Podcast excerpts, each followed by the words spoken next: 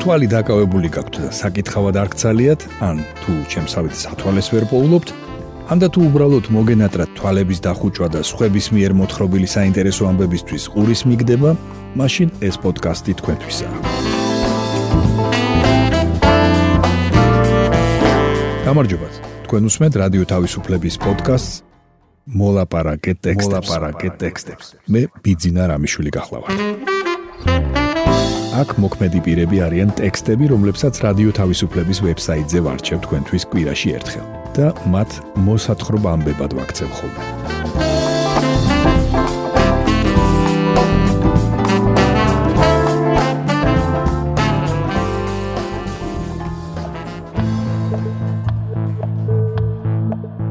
დღეს გესაუბრებით თალიბანის ყველაზე ცნობილ ლიდერზე, გავიხსენებთ ავღანეთში საბჭოთა კავშირის მარცხის ქრონოლოგიას. მოგითხრობთ ჩეხოსლოვაკიიდან საბჭოთა ჯარების გაყვანის 30 წლის თავის შესახებ.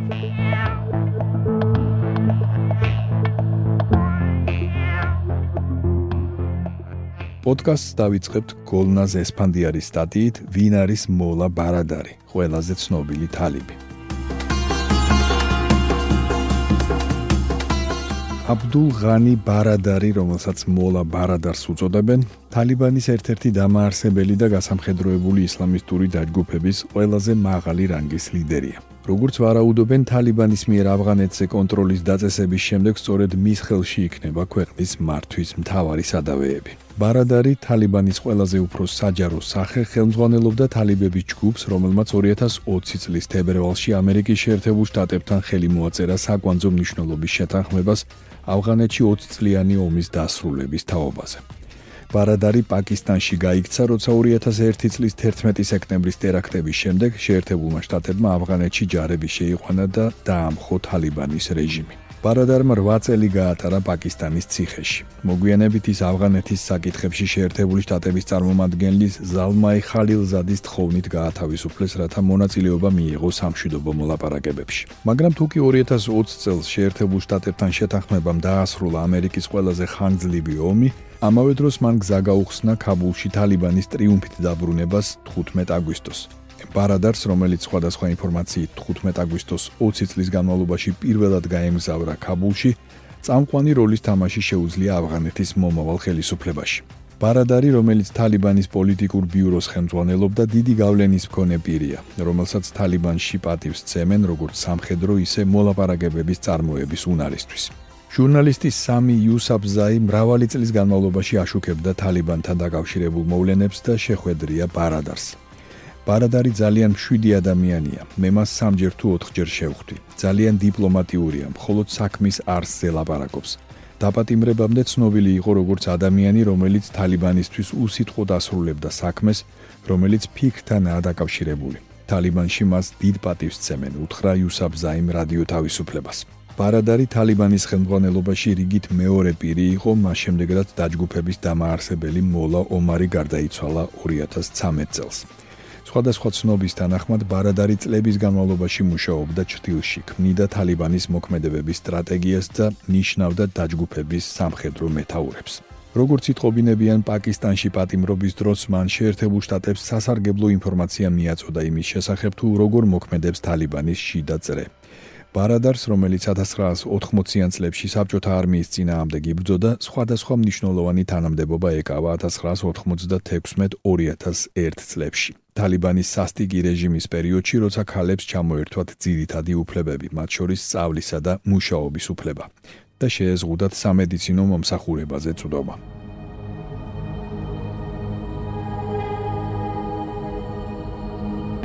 უკანასკნელი კვირების განმავლობაში ისლამისტური დაჯგუფება ცდილობს უფრო ზომიერი იმიჯი შეიქმნას, მაგრამ ბევრნი კლავაც ეჭვით უყურებენ მათ. მათ შორის ის ათასობით ავღანელი, ვინც თალიბანის ხელში გადასული ტერიტორიებიდან გაქცევით შველოდა თავს.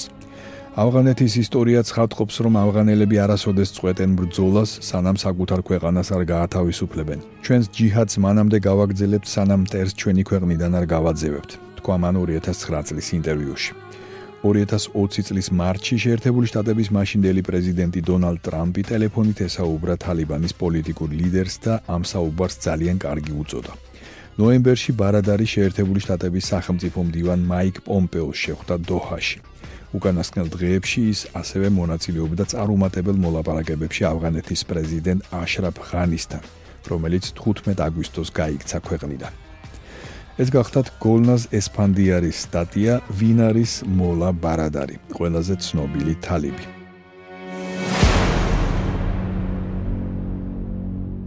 თქვენ უსმენთ პოდკასტს მოლაპარაკე ტექსტებს.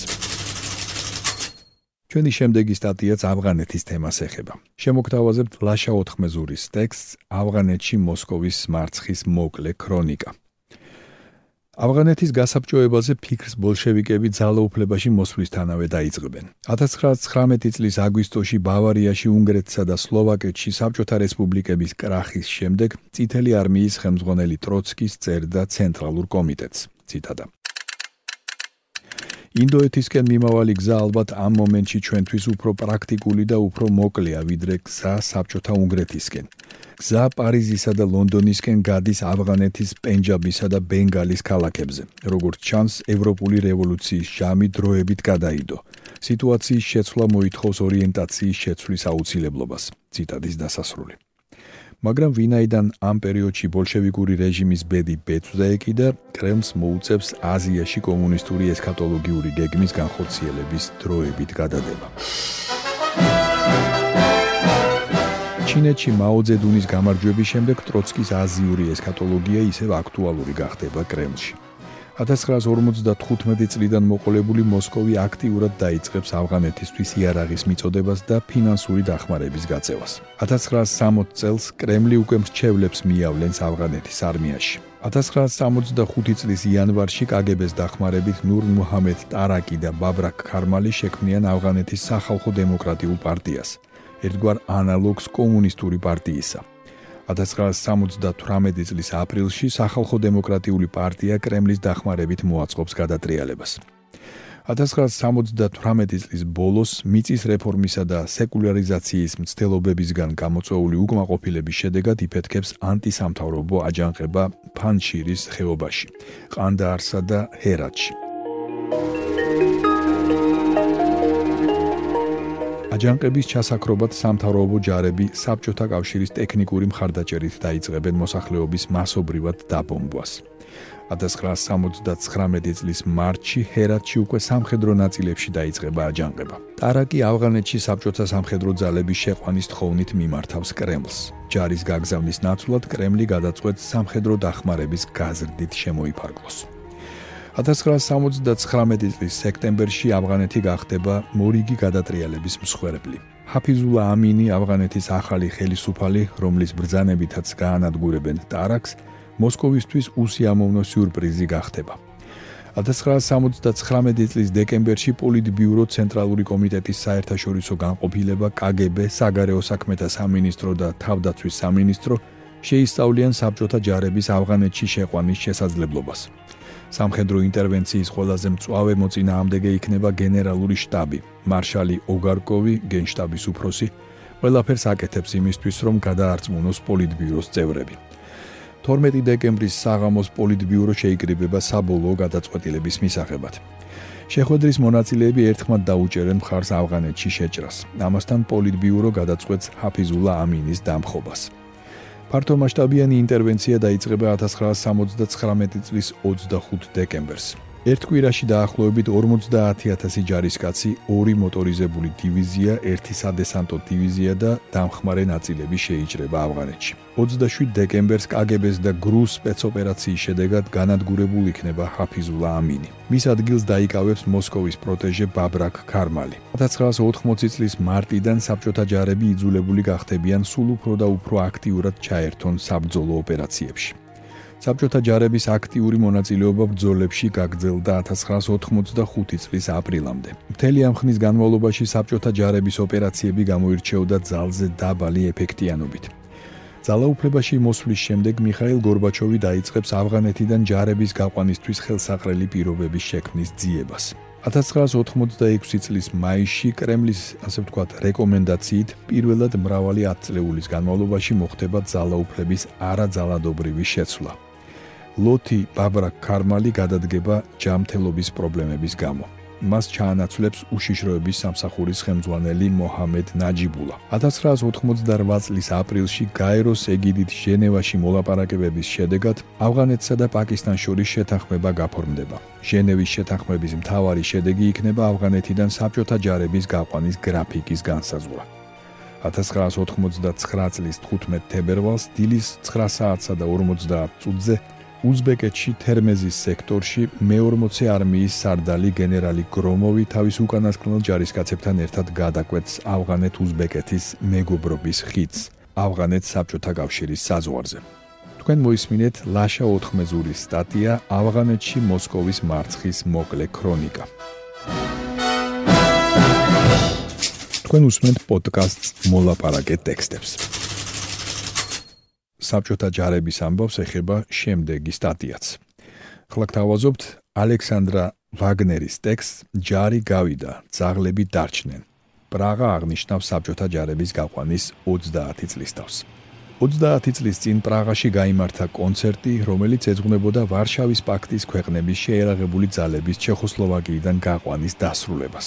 ამ კონცერტის ორგანიზატორი მუსიკოსი მიხაილ კოცაბი საბჭოთა ჯარისკაცებთან გამომშვიდობების სიმბოლოდ იქცა და არა მხოლოდ იმიტომ რომ მან მოაწყო კონცერტი. არამედ იმიტომ რომ მან მოახერხა ფრენკ ზაპას გამოსვლის ორგანიზება. ფრენკ ზაპამ კი თავის მხრივ სცენიდან მოუწოდა საბჭოთა ჯარისკაცებს ეცეკვათ ჩეხოსლოვაკიის მოქალაქეებთან I have only a few words to say. Řeknu vám jenom pár slov. before I go through the grueling process of tuning my guitar. A potom se pustím do toho namáhavého procesu, který vždycky 27 ივნის, როდესაც გენერალ-პოლკოვნიკი ედუარდ ვორობიოვი თვითფრინავში ჩაჯდა პრაღის კბელის აეროპორტში, მაშინ მივხვდი, რომ ჩვენ კვლავ მივიღეთ სრული თავისუფლება და მოვიპოვეთ სახელმწიფო სუვერენიტეტი. ასე იხსენებს მიხაილ კოცაბი 30 წლის წინანდელ მოვლენებს. საბჭოთა არმიის ბოლო ჯარისკაცმა ჩეხოსლოვაკიის ტერიტორია დატოვა 1991 წლის 26 ივნისს, თუმცა შეთანხმება ჯარების გაყვანის შესახებ გაფორმდა რამდენიმე თვით ადრე, 1990 წლის 26 თებერვალს. არსებობს ცნობილი პოსტულატი: ვიდრე შეხვალ, დაფიქრდი როგორ გამოხვიდე. ეს არის ძველების რჩევა. იხსენებდა საბჭოთა გენერალი ალექსანდრ მაიროვი რადიო თავისუფლებასთან 1988 წელს ჩაწერილ ინტერვიუში. And if there are any Soviet troops in the audience, you may dance home to this. A pokud jsou tady nějaký sovětský vojáci, můžou si klidně zatancovat.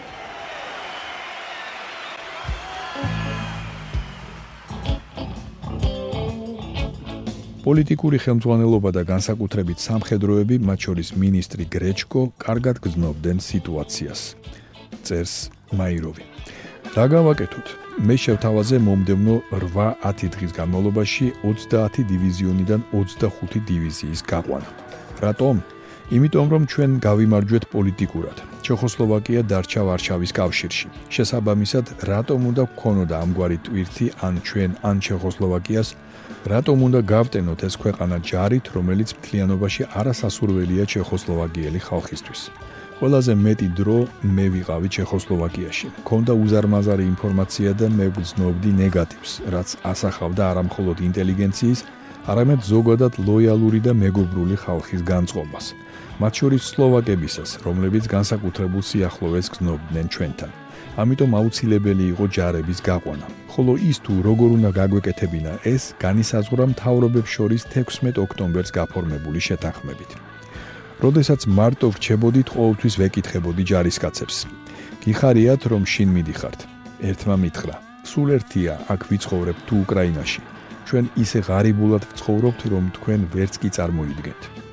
ძალიან სევდიანი ამბავი იყო, ამბობს ფოტოგრაფი დანა კინდროვა რადიო თავისუფლებისთვის მიცემულ ინტერვიუში.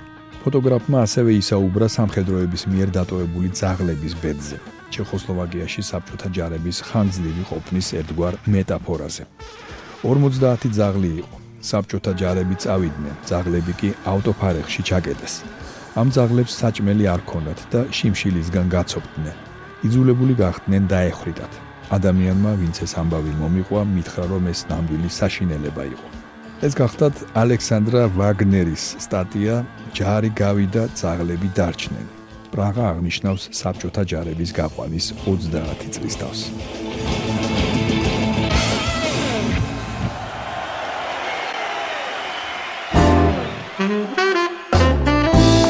თქვენ მოისმინეთ რადიო თავისუფლების პოდკასტი მოლაპარაკეთ ტექსტები.